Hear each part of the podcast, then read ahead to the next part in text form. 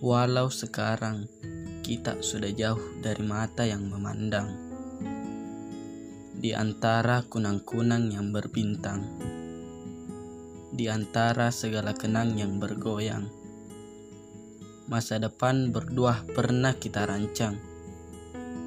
Namun kini semua itu hanya tersimpan di keranjang belakang.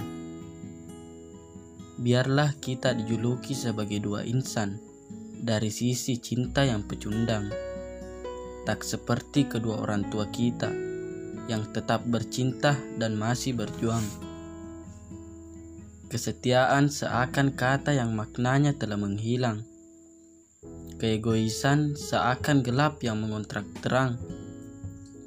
Biarlah kita adalah sepasang yang terpisah oleh pemahaman yang bergelombang.